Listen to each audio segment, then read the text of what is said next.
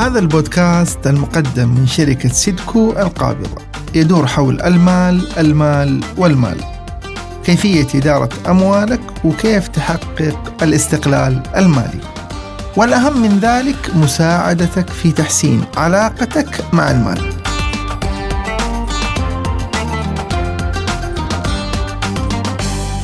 مرحبا بكم أعزائي المستمعين معكم أخوكم سالم بشميل مقدم بودكاست وعي مالي مع ريالي حلقة اليوم حنتكلم فيها عن كيف نتخلص من شبح المخاوف المالية في بداية كل سنة تكثر المخاوف والتساؤلات هل سيقع العالم في أزمة مالية جديدة؟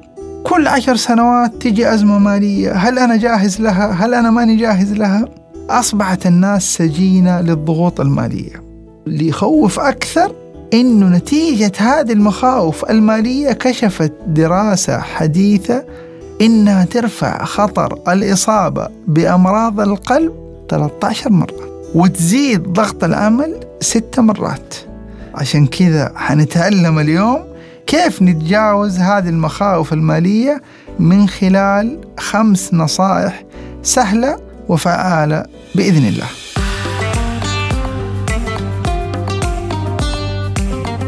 النصيحة الأولى عالج أزمة ماذا لو اللانهائية إيش هذه ماذا لو؟ أخطر سؤال يخلي الخوف يبان وكأنه حقيقة وهو خوف خيالي ماذا لو؟ ماذا لو طردوني من العمل؟ ماذا لو سيارتي خربت؟ ماذا لو جاتني إصابة مفاجئة تمنعني من العمل؟ ماذا لو ارتفعت رسوم المدرسة؟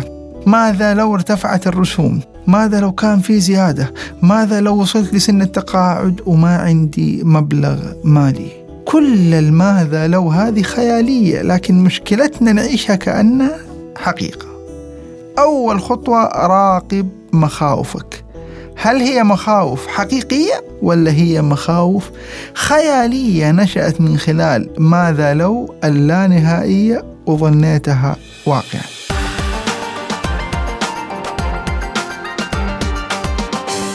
النصيحة الثانية ألغي النفقات اللي ما تحتاجها.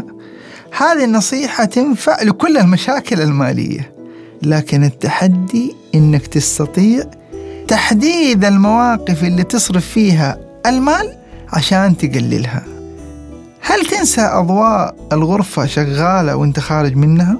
هل تشغل المكيف في فصل الشتاء وانت ما تحتاجه أصلا؟ يكفيك إنك تفتح النافذة لتستمتع بالهواء؟ هل بتشغل إنارة في النهار؟ كل القضايا هذه حاول تقللها لأنها نفقات هل بتشتري طعام من خارج المنزل كل يوم لكل الوجبات؟ هذه قضايا أمثلة نقدر نقلل فيها نفقاتنا. الأمثلة كثيرة وأنا متأكد لو قلت لكم إيش الأشياء اللي لو لغيتوها من حياتكم ما تتأثر حياتكم. لكن يقل صرفكم للمال حتعطوني قائمة لها أول يمكن وما لها. آخر.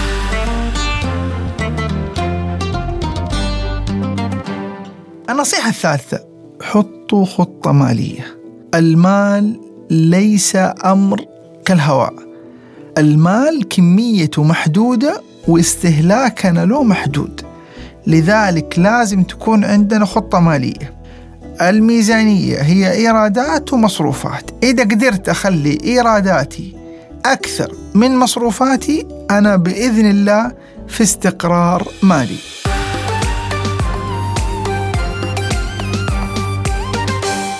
النصيحة الرابعة. تعلم من هذه المخاوف. إذا كنت خايف إنك تقع في الدين أدخر. إذا كنت خايف إنه يفصلوك من العمل تدرب وطور مهاراتك وكن أفضل الموظفين. إذا كنت خايف إنه ترتفع رسوم المدرسة فكر كيف تزيد دخلك. تعلم من هذه المخاوف. واجعل هذا الألم فرصة لكثير من الأمل.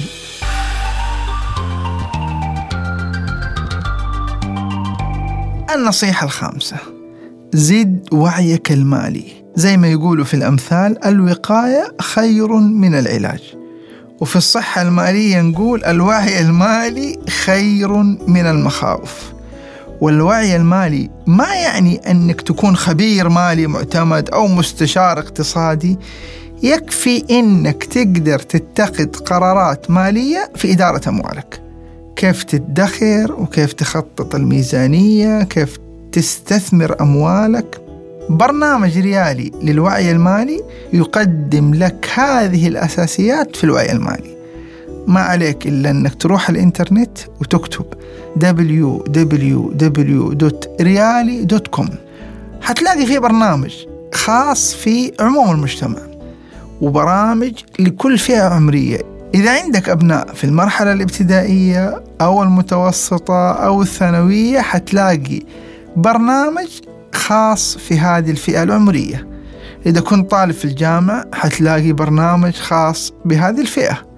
وإذا كنت من رواد الأعمال حتلاقي ريالي لرواد الأعمال اللي يتكلم عن الجزء المالي الخاص بريادة الأعمال زد وعيك المالي هذه النصائح الخمسة لو عملنا بها نرجو من الله إنها تساعدنا على التخلص من شبح المخاوف المالية.